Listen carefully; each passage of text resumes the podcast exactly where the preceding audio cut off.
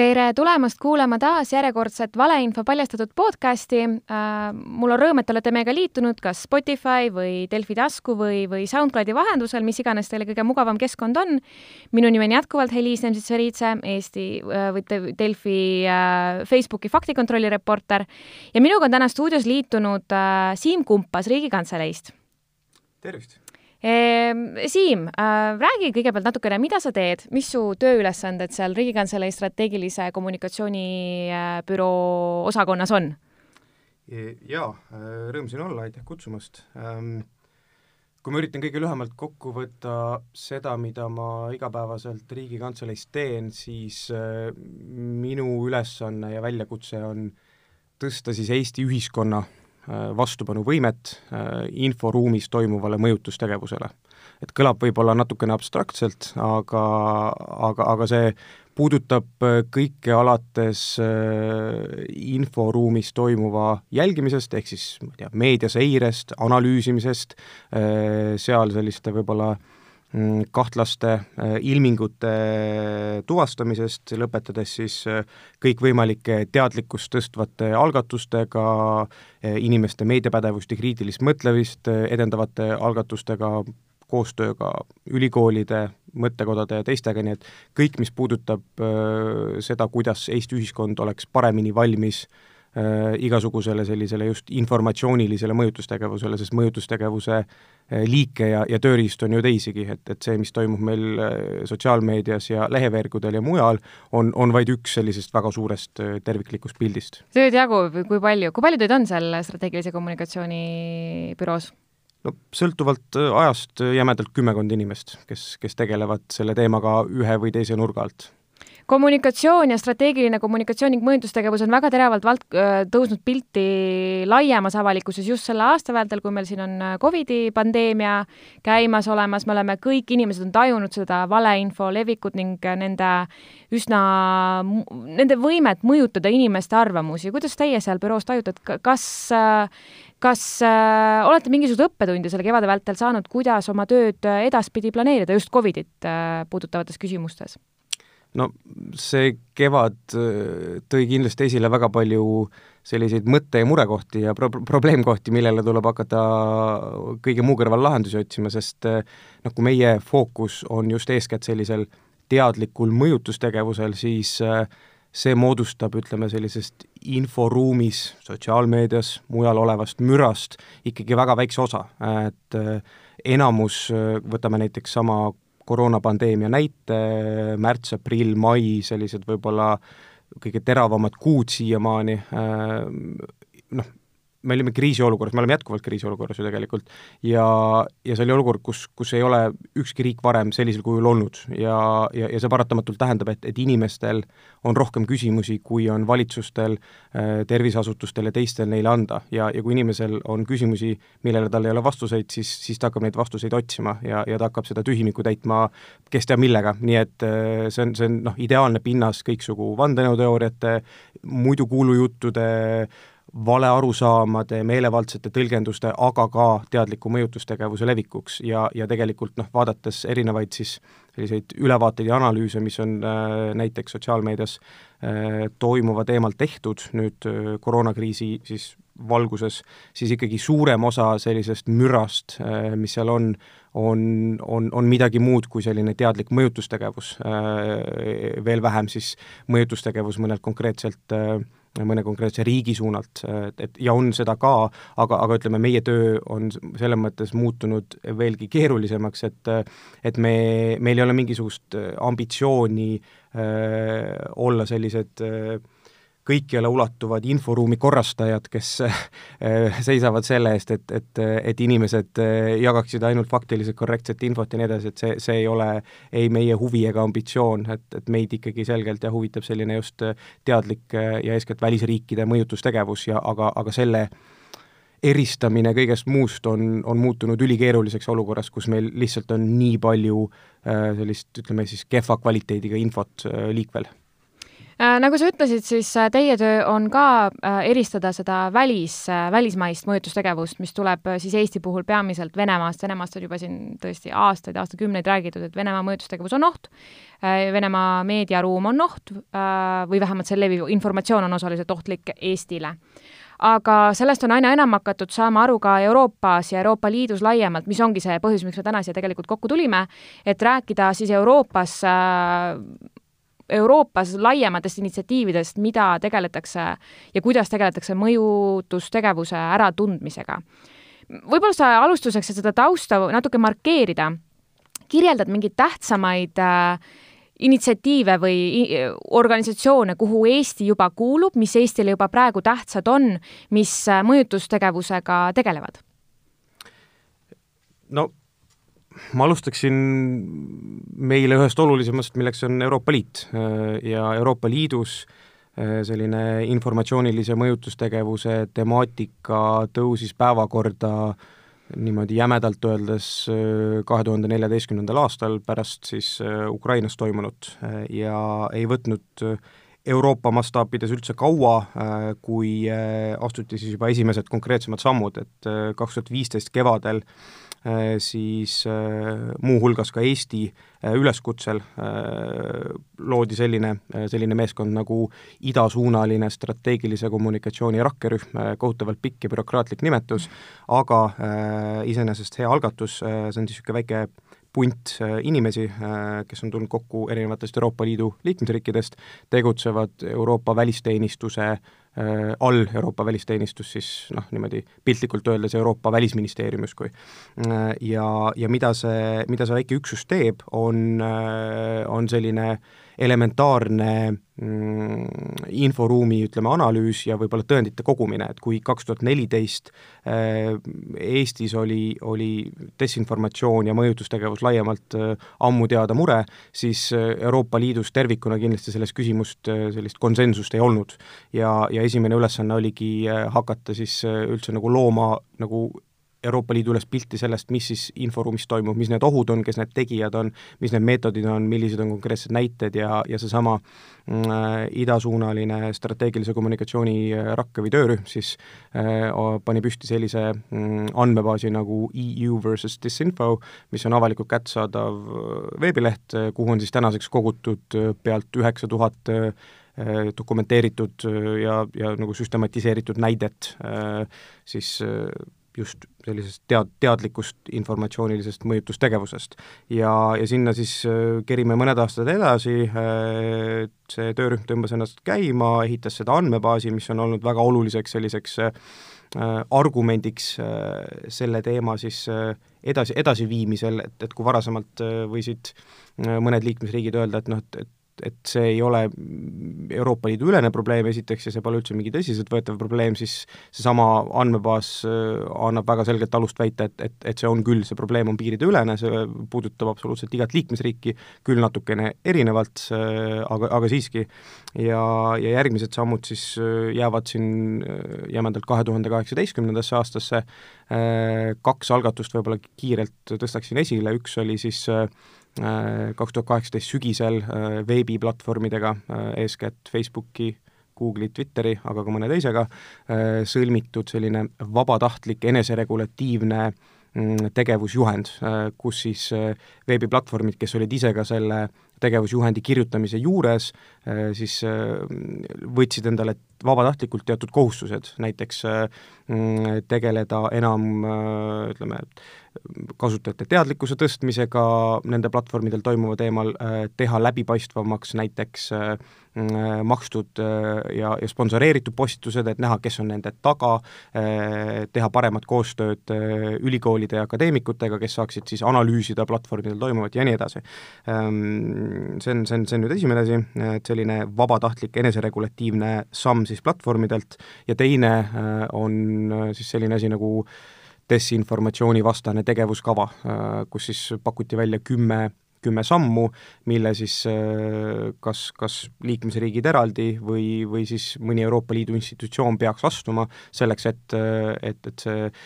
Euroopa Liit tervikuna oleks paremini kaitstud inforünnakute vastu ja, ja noh, seal oli hulk tegevusi, mõned näited, äh, seesama äh, idasuunalise äh, strateegilise kommunikatsiooni rakkerühm, sellele parem ja kindlam ja suurem rahastus, kuna kaalukeel on praegu, kui me võtame Venemaa näite, siis, siis äh, nende mm, võimalused, nende eelarve on, on võrreldamatu sellega,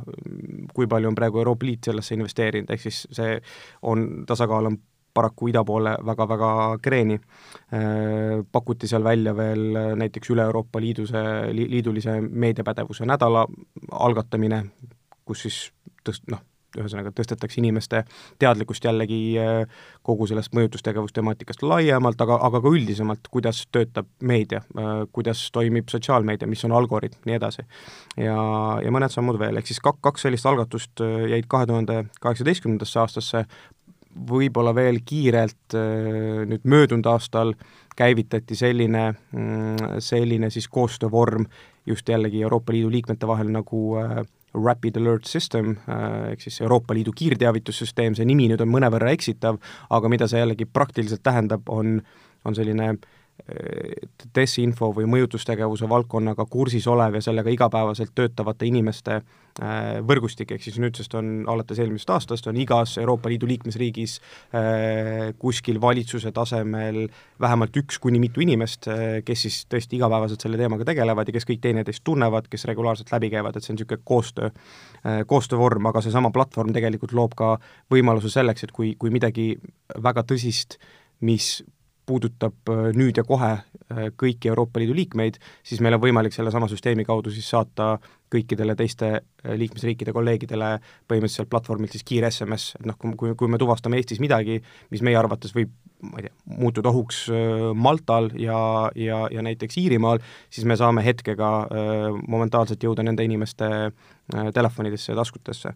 no vot, ja see, see on nagu see, mis on tehtud seni, aga nüüd sel aastal on ka mõned, mõned asjad on äh, torus küpsemas, mm, kaks algatust, üks on siis digiteenuste akt, mis äh, on palju laiem kui desinformatsioon, see vaatab tervikuna digiteenuseid kui selliseid ja kõike, mis sinna alla kuulub, aga kuidas see puutub kokku just inforünnakute suunaga, on siis veebiplatvormide kohustused Äh, oma keskkondade võib-olla paremaks korrastamiseks, sest kas seesama Facebooki faktikontroll, mida meie siin teeme, on siis nagu üks näide nendest äh, korrastamise variantidest? Google'l on samamoodi mingisugused algoritmid, mis seda valeinfot sealt välja korjavad või allapoole lükkavad. just, just, see on täpselt üks näide sellest, kuidas platvormid siis on, on niimoodi ise lubadusi andes äh, asunud natukene oma platvormidel toimuvat korrastama, aga veel kord, kui me kujutame ette seda, seda mahtu, infomahtu, mis äh, näiteks Facebookis, mis on Eestis ju populaarsem platvorm äh,, igapäevaselt luuakse ja, ja seda, kui palju siis on neid faktikontrollijaid, kes jõuavad sellest üle käia, siis noh, jällegi näeme, et, et see ei ole jätkusuutlik lahendus, et siin tuleb, tuleb vaadata ka teistes suundades. Äh, muidugi lihtsalt võib-olla vahemärkusena nii palju, et, et, et ega veel kord meie äh, ei meie tiimi ega ma arvan laiemalt ühegi demokraatliku riigi huvi ei peaks olema meie inforuumi täielik korrastamine, inforuum ongi arvamuste kogum ja, ja, ja paratamatult seal on, on arvamusi seinast seina, meie enda põhiseadus tegelikult ju noh, tagab täieliku sõnavabaduse ja, ja ütleb selgesõnaliselt, et tsensuuri ei ole ja, ja kaitseb suuresti ka valetamist näiteks, muidugi sellel on piirid, ei ole lubatud teise isiku au haavamine, sõjapropaganda ja nii edasi, aga see sõnavabadus on ikkagi demokraatlikes riikides äh, väga kõrge, kõrgel kohal olev äh, põhiõigus, nii et, et selles mõttes äh, me peame mõne, mõnevõrra ka õppima elama ja, ja harjuma selle mõttega, et, et noh, meid ümbritsebki väga palju infot, mis on kas A kallutatud või, või, või B väär, C pahatahtlik või midagi muud. aga, aga jah, ütleme, et kuskilt jooksevad piirid, kust see muutub võib-olla natukene liiga, liiga paljuks, kui see on koordineeritud, kui see on teadlik, kui see on kellegi väga selge eesmärgiga loodud, et si-, siis peavad mingisugused mehhanismid käivituma ja, ja, ja peab kuidagi, kuidagi sekkuma, usun mina nii, nüüd ma loodan, et äh, see oli alles pikk kirjeldus, ma loodan, et kõik äh, mõjutustegevusi õppivad tudengid kuulavad selle saate osa ära ja saavad siit äh, oma esseedesse hea jupi. aga ma tahtsingi, sa ütlesid seda, et, ähm, et kui kahe tuhande neljateistkümnendal aastal hakati tegelema, siis ei olnud seda ühist arusaama Euroopa Liidu riikidel, et mis see mõjutustegevus on ja tegelikult osadele oli see nagu pseudoprobleem natukene. Aga ma nagu natuke vaidleks sulle vastu, et praegult koroonakriis on väga selgelt näidanud, et näiteks Itaalias, Itaaliasse tõid siis äh, Venemaa lennukid äh, maske ja see oli täielik propagandavõit Venemaal iseendal ja itaallas, itaallased ka seda väga kenasti müüsid edasi ja seda edastati täiesti tavalise informatsiooni pähe mm, kas see inform-, kas sa tõesti usud, et see arusaam mõjutustegevuse propagandast on siis kuidagi nagu ühtlustunud? Väga hea näide. Ehm, ei, ma ei, selles mõttes ma ei üritanud jah väita, et ehm, et me oleme nüüd kõik samal pulgal, pigem võib-olla mu, mu põhiline sõnum oli see, et, et enne kahe tuhande neljateistkümnendat aastat eh, juba see, et, et üleüldse desinformatsioon, informatsiooniline mõjutustegevus kelle tahes poolt ja mis tahes nurga alt, äh, enne seda, seda ei mõistetud. Äh, nagu ma ütlesin, siis ri-, riikides on väga erinevad äh, ju taustad, ajalood ja, ja ka poliitilised süsteemid ja ka probleemid, et selge see, et, et, et see, et meil on, on Venemaa näiteks selge ja suurim oht nüüd on, on olnud, on praegu ja on, on ka lähinähtavas tulevikus, ei tähenda, et, et sama oleks näiteks Itaalias. Äh, nii et, nii et ei, selles mõttes kindlasti tööd on kõvasti veel teha, aga, aga võib-olla lõpuks eesmärk ei olegi selline oska öelda, ühtlustatud äh, arusaam üle terve Euroopa tingimata, vaid, vaid pigem nagu probleemi äh,, probleemi mõistmine, et, et meil, et meil on esiteks, et inforuumis selline mõjutustegevus üleüldse toimub, punkt üks, ja, ja punkt kaks, kuna, kuna veel kord, ühiskonnad on hästi erinevad, siis ka need Äh, murekohad ja need väiksed võib-olla lõhed ühiskondades, mida siis äh, sageli just informatsioonilise mõjutustegevusega üritatakse suurendada, on väga erinevad, siis siis selline ühtlustatud lähenemine ei saagi toimida, et igal riigil ongi väga erinevad äh, nõrkused, väga erinevad haavatavused, nii et, et jah, see, kevadel Itaalias toimunu oli hea näide sellest, et nemad selgelt ei ole harjunud mõtlema konkreetselt siis Venemaast, nii nagu on seda selline mm, ratsionaalse mõtlemisega eestlane, kes, kes on näinud, kuulnud ja, ja siiamaani mõistab väga hästi, milline on nende käitumisviis. praegu me räägime väga konkreetselt, ka idasuunaline rakkerühmakene tegeleb noh, Venemaaga, mis siin salata. E, kas ka Hiina suunaline mingisugune rakkerühmake on loomisel või on olemas juba? Eraldi rühma ei ole ja praegu pole ka arutlusel sellise suurema rühma loomine, küll aga on mm, sinnasamma Euroopa välisteenistusse siis äh, värvatud jah, viimasel aastal äh, Hiina fookusega analüütikuid, kes, kes üritavad äh, esiteks üldse nagu aru saada, mida Hiina selles vallas teeb, sest Hiina ja Venemaa käitumine on äh, olnud äh, siiamaani suuresti üsna, üsna erinev, et, et Hiina on olnud palju vähem agressiivne, äh, palju rohkem kasutanud sellist klassikalist võib-olla propagandat kui siis äh, enda informatsiooni esiletõstmist ja promomist ja, ja sageli nad tegelevad pigem, et nad üldiselt, ütleme, kui me vaatame aega enne koroonakriisi, siis nad äh, väga sageli just äh, kasutasid ära seda inimmassi, mis neil on, neil on lihtsalt nii palju ressurssi äh,. Ja, ja nad siis tõstsid esile kõiki oma selliseid kas nagu näilisi või tegelikke võite tehnoloogia vallas, poliitika vallas kus tahes. nii et nad nii-öelda nagu noh, kutsutakse cheerleading uks, ehk siis nad nii-öelda jah, nagu promosid ja tõstsid inforuumis siis enda, enda võite äh,. Mida me nägime koroonakriisi ajal, oli see, et et nad vähemalt katsetasid äh, natuke agressiivsemate võtetega, hakkasid äh, ka rohkem äh, vastanduma, hakkasid rohkem avalikus ruumis siis kritiseerima erinevate lääne valitsuste astutud samme ja nii edasi, nii et et noh, me oleme praegu hetkel, kus me, kus, kus me näeme selgelt, et nende nende taktikad ja, ja, ja võtted äh, on muutumises, äh, kuhu nad äh, on aasta pärast jõudnud, raske öelda, aga, aga selge see, et et nad on mõistnud, kui väärtuslik tööriist on informatsiooniline mõjutustegevus ja, ja ma arvan, et meil ka siin Eestis näiteks on on väga palju selle kohta õppida, et kui enne, enne tõite siin Itaalia näite, kuidas nemad võib-olla ei osanud lugeda Venemaa käitumist, siis ma äh, julge, julgen väita, et, et ega me siin Eestis kindlasti ei oska ka lugeda Hiina käitumist näiteks, nii et, et veel kord ilmestab seda, kuidas, kuidas me peamegi pidevalt äh, ennast harima, pidevalt äh, end targemaks,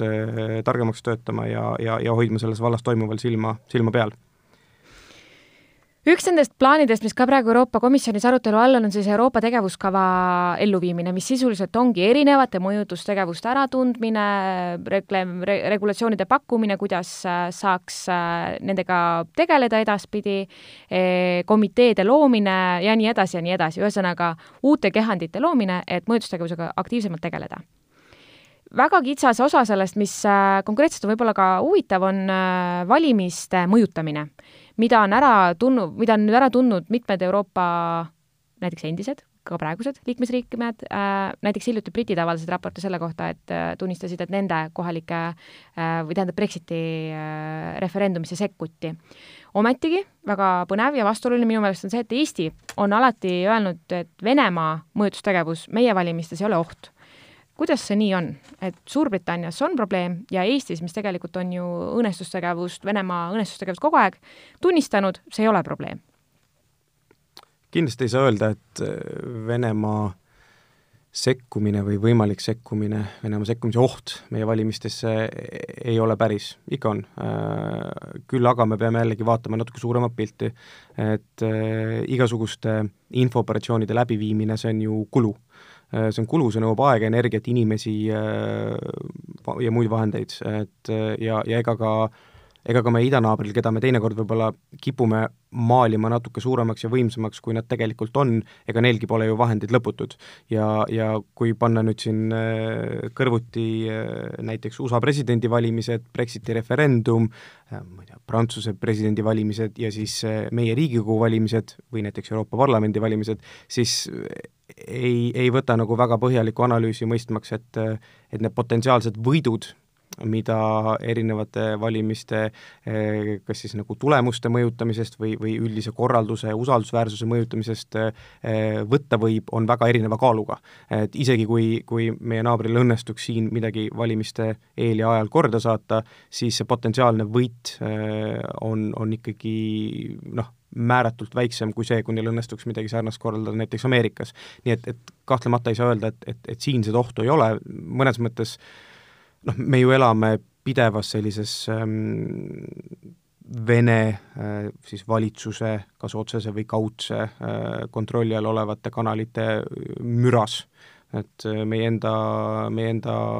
elanikud ju, osa neist äh, jälgib igapäevaselt äh, Vene suuremate tele, telekanalite sõsarkanaleid ja, ja teisi, teisi infokanaleid, nii et, et, et ühest küljest see, see oht on meil pidevalt olemas, aga pigem võib-olla meil on selline noh, iga seda jah, ma ütlen, probleemi kirjeldab niisugune nagu pidev niisugune taustamüra, samal ajal kui suuremates riikides toimub niisugune nagu hästi kontsentreeritud niisugune mingisugune aktiveerumine valimiste eel ja ajal, kui, kui see teema järsku siis tõstatub ja samamoodi ka nüüd äh, eelolevate USA presidendivalimiste puhul kahtlemata. No seal on see käinud juba pidevalt, et see selles suhtes ei tõstatu, see on ju jooksvalt käinud seal kogu Trumpi ametisaja olemise vältel, aga see ei ole hetkel ka küsimus. Äh, tulles tagasi Eesti konteksti juurde, siis äh, presidendivalimistesse tõenäoliselt ei sekkuta nii palju, sellepärast et meil ju rahvas presidenti ei vali aga KOV valimised on ju see koht, kus tegelikult ka mittekodanikud saavad hääletada ja valida. kas seal on see oht olemas ja reaalsem kui näiteks Eestis Riigikogu valimiste puhul, et et KOV-idesse, munitsipaalkehanditesse saavad siis äh, mõjutustegevuse kaudu pukki saanud inimesed? või see oht jällegi, nagu sa enne ütlesid, et seal on nii ahvatlev, et see võit on nii väike? see, seal on mitu aspekti, et, et veel kord, kindlasti oht kui selline on, on, on olemas, oleks naiivne väita, et ei ole. Teisalt me peame vaatama ka meie valimissüsteemi ja kohaliku omavalitsuse valimistel hääletab suurem hulk inimesi, mis tähendab, et potentsiaalne oht on mõnevõrra suurem kui Riigikogu valimiste puhul. samal ajal jällegi kohad, mida jagatakse, ei ole mõnes mõttes võib-olla niivõrd riigi tervikut vaadates jällegi niivõrd jällegi mõjukad. Ja, ja teisalt meie noh, võib-olla Eesti tugevuseks on, on selline noh, suhteliselt äh, robustne süsteem, et äh, esiteks meil on ju proportsionaalne valimissüsteem, äh, mis tähendab, et noh, meil ongi üsna killustunud see poliitiline maastik, meil ei ole kahte suurt parteid, kelle vahel on võib-olla üks protsendipunkt ja see, ja see üks protsendipunkt mõjutabki lõpuks tulemuse, et meil on vahed enamasti suuremad, koalitsiooni jõud nii KOV-i kui, kui riigi tasemel ja, ja nii edasi, meil on suhteliselt tugev meediamaastik, meie, meie meediamaastik on väga vaba, seda tõestavad ka rahvusvahelised kõiksugu pingeread, nii et, et meil on, meil, meil on omad haavatavused, milleks on meie taust, ajalugu, geograafiline asukoht ja ka võrdlemisi suur vene keelt kõnelevate inimeste hulk, kellest loomulikult äh, absoluutselt mitte kõik, ma arvan, ei ole selles mõttes tingimata Vene mm, mõjutustegevuse riskirühmas, et, et see oleks äh, kaugelt liiga lihtsustatud ja, ja ka meelevaldne ja ka valeväide. Äh, mingi osa aga küll, samamoodi nagu mingi osa mm, teises inforuumis elavast eestikeelsest elanikkonnast. aga, aga võib-olla mis on ka oluline meeles pidada, et, et valimistesse sekkumise ainuke eesmärk ei ole tingimata valimistulemuse mõjutamine, sest valimistulemuse mõjutamine noh, ei ole väga head arusaama, kui palju see üldse on võimalik, akadeemikud ja uurijad on, on ka siin eri meelt, aga noh, väidetakse siin noh, paarist protsendist kuni noh, äärmisel juhul võib-olla kümnekonna protsendini äh, on, on võimalik tulemust ühes või teises suunas tüürida, aga, aga see on ainult nagu, see on üks aspekt, teine aspekt on, äh, on valimistulemuste või ütleme, jah, valimistulemuste, näiteks võtame valimistulemust, valimistulemuste legitiimsuse küsi alla, küsimuse alla seadmine, et isegi kui mõjutustegevusega ei õnnestu ühte või teist kandidaati siis esile tõsta, siis või, võib-olla on võimalik luua olukord, kus äh, ei aktsepteerita mitte kellegi võimu, sest äh, valimistulemusi tervikuna peetat-, peetakse ebaausateks äh,. Meil on ju aastaid üritatud äh, kahtluse alla seada e-hääletamise turvalisust ja, ja seda on, pole mitte alati teinud meie enda, enda jõud, seda on, on näha seda olnud ka väljaspoolt äh,. Samamoodi siis äh, valimisprotsessi kui, kui terviku äh, võib-olla usaldusväärsuse äh, kahtluse alla seadmine, nii et noh, jah, tasub meeles pidada, et, et valimiste sekkumisel on eesmärke erinevaid ja, ja ka see, kui valimised on paratamatult hetk, kus ühiskond on mõnes mõttes kuidagi võib-olla kihiseb kergelt, sest äh, toimub niisugune aktiivne poliitagitatsioon, üritatakse veenda inimesi väga erinevates maailmavaadetes, mis tähendab paratamatult, et ühiskond on natukene niimoodi võib-olla ärevamas seisundis kui äh, valimiste vahelisel ajal ja, ja see omakorda loob jällegi soodsa pinnase selleks, et neid, neid inimesi, kes on niigi võib-olla natuke tundlikumad kui muidu ja, ja võib-olla mõned lõhed, mis ühiskonnas peituvad äh, ma ei tea, vähemuste, rände,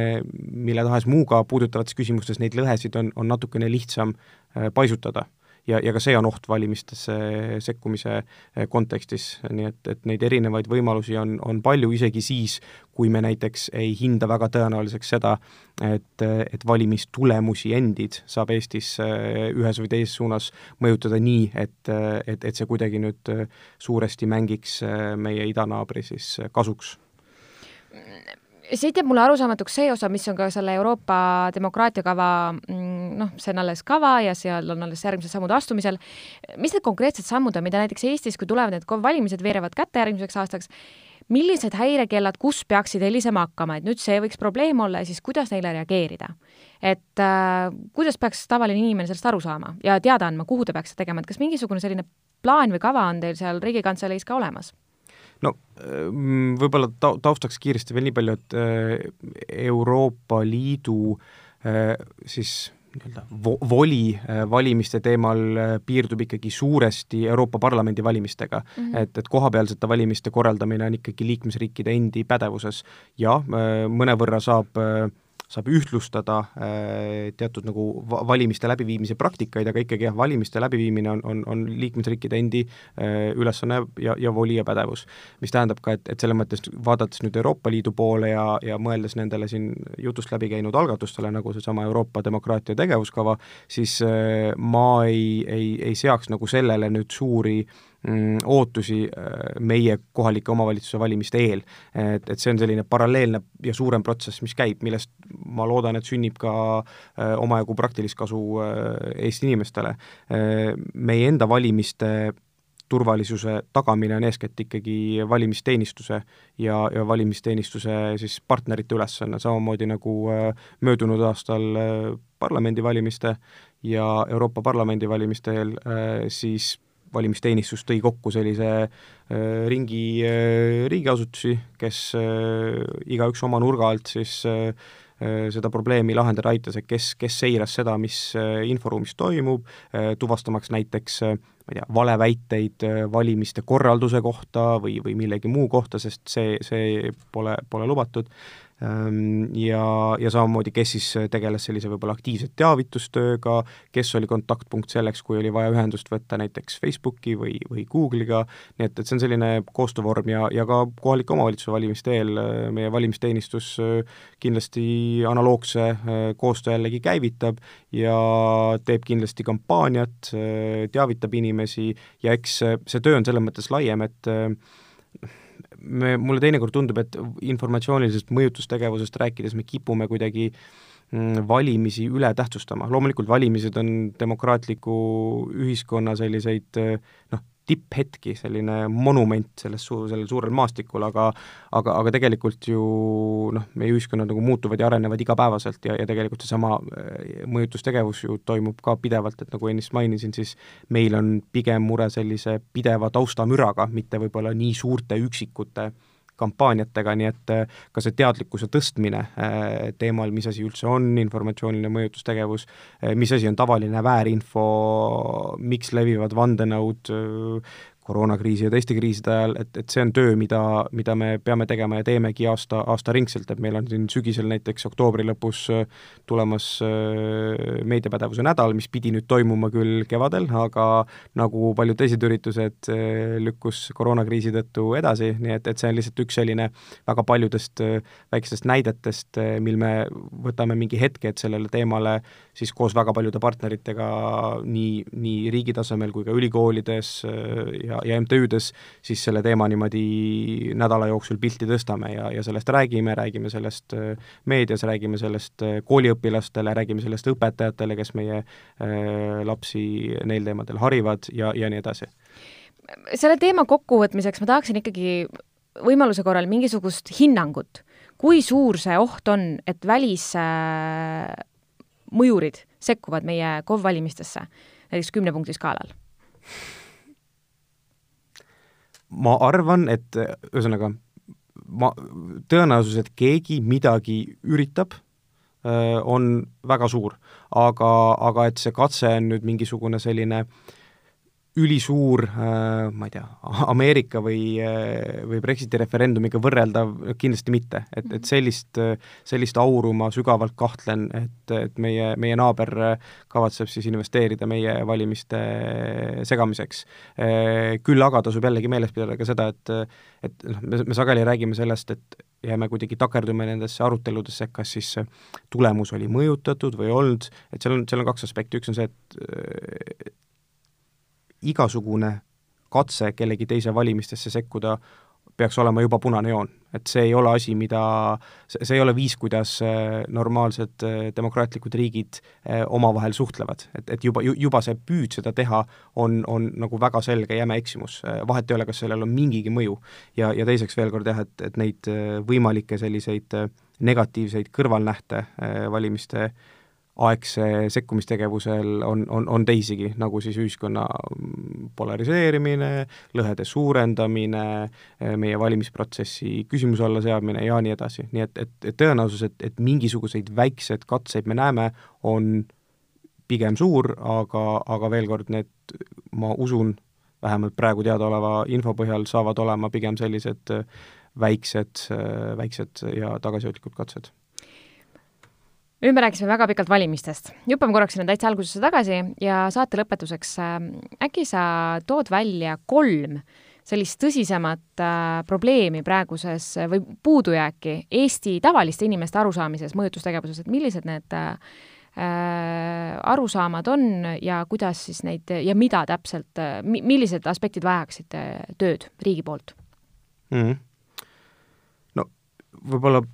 meie töö eelduseks on selline adekvaatne ohuteadlikkus, seda nii ühiskonnas laiemalt kui ka otsustajate seas. ma usun, et sellega on olukord Eestis pigem hea, võrreldes võrreldes nüüd erinevate riikidega, aga, aga veel kord, nagu me siin ennist juba rääkisime, siis ka ohuteadlikkus ei ole selline ük-, üks niisugune terviktükk, vaid äh, meil on teatud ohud valitsevad meid idasuunalt äh,, võib-olla teistsugused ja alles tõusvad ohud valitsevad meid kaugemalt idasuunast, et, et see, et me teame, kuidas meie, meie kõrvalnaaber käitub, ei tea tingimata, ei, ei, ei tähenda tingimata, et me teame, kuidas käituvad teised valitsused, kes, kes ei ole demokraatlikud ja kel on huvi siis niimoodi varjatud ja eksitaval viisil sekkuda demokraatlike riikide toimetamistesse ja tegemistesse, nii et, et selline, ma arvan, jah, nii enese kui ka ühiskonna harimine siis selle ohu olemuse teemal on, on nagu A ja O, sest see üldse nagu, kui inimesed ei usu, et mingisugune oht varitseb neid, siis kõik sellele järgnev on, ma usun, mõttetu, nii et, et see on samm üks, samm kaks sinna peale on äh, selline noh, mahub märksõna meediapädevus alla ja see meediapädevus on võib-olla natukene eksitav termin, aga aga, aga lihtsalt öeldes äh, sinna alla mahub kõik, mis puudutab sellist äh, noh, esiteks inforuumi mõistmist, kuidas, kes on ajakirjanik, mis asi on artikkel, mis asi on arvamuslugu äh,, kuidas sünnib ajakirjandus ja, ja veel olulisem, mis asi on sotsiaalmeedia, sest suur osa meie suhtlusest ju neil päevil toimub seal äh,, on, on inimesed, kes, kes praktiliselt traditsioonilist meediat sellisel kujul ei järgigi, järgivad sotsiaalmeediat, saavad sealt enda info äh,. Miks nad näevad sellist sisu just, mida nad näevad, sest sotsiaalmeedias toimetavad, toimetavad meie seinu algoritmid, mitte, mitte mingisugune toimetaja või, või siis lihtsalt kronoloogiline järjestus kõigest, mida me oleme valinud jälgida. et, et see on kindlasti koht, kus on väga palju tööd ära teha ja, ja seal, ja, ja seal ei ole kiireid võite, et ei aita seal nädalane meediapädevuse teadlikkuse projekt ega midagi säärast, et, et seal me peame vaatama haridussüsteemi poole, meil on olemas juba näiteks kolmekümne viietunnine kursus äh, gümnasistidele nimega Meedia ja mõjutamine, kus neile õpetataksegi selliseid esialgseid meedia toimimise põhimõtteid, demagoogia ja teiste mõjutusvõtete põhimõtteid, aga see on hetkel ainult gümnasistidele ja, ja ainult paraku eestikeelsetes äh, koolides, nii et, et noh, seda tuleks laiendada kindlasti ka venekeelsetesse koolidesse ja võib-olla, et üldse alustada juba varem. ja, ja sellega me katame ainult tudengid ja, või vabandust, õpilased ära, aga, aga ma arvan, et, et vähemalt sama oluline sihtrühm on ka Äh, kesk- ja vanemaealised, äh, kellel võib-olla on, on teatud, kindlasti rohkem elukogemust ja tarkust, aga samal ajal võib-olla vähem natuke mõistmist, kuidas töötab tehnoloogia, kuidas töötavad sotsiaalmeediaplatvormid. nii et need, ma isegi piirduksin nende kahega, et need on, ma arvan, nagu pikas plaanis äh, ehk siis ohuteadlikkus ja, ja meediapädevuse edendamine, sest me saame lõpuks inforünnakutele vastata kahel viisil. Üks on reaktiivne lähenemine, ehk siis me, kui, kui midagi on toimunud, siis me astume omaenda sammu, olgu selleks siis ma ei tea, fakti kontrollimine, ümberlükkamine, tegija siis avalikkuse ette toomine, kõik muu säärane, mis on ka vajalik, aga ja millesse ma ise usun palju rohkem, on selline ennetav tegevus ja, ja seda, seda just see ohuteadlikkuse nagu hoidmine, niisugune mõistlik hoidmine, mõistlikul tasemel hoidmine ja, ja meediapädevuse edendamine ongi nii, et selles mõttes ka meie tiimis kindlasti pilk on pigem nendel viimasel kahel, sest need, need on need, mis, mis teevad, ma usun, pikas plaanis meie ühiskonna oluliselt vastupanuvõimelisemaks kui sellised re-, reaktiivsed sammud, sest reageerides me oleme alati juba nagu loomu poolest, me oleme sammukese taga ja, ja oleme need, kes tantsivad kellegi teise tantsurütmi järgi, mitte ei sea seda ise. Hästi. Ähm,, aitäh, Siim, tulemast, ma loodan, et äh, võib-olla mõni õpetaja, kes meid äh, satub kuulama, võtab äh, viimased äh, mõtted endale kõrva taha, et pisut enam rääkida meediakriitilisest äh, tarbimisest, nii rääkides enamast kui ainult ajalehtedest, aga ka sotsiaalmeediast. Äh, kohtumiseni siis juba varsti jälle! aitäh! thank you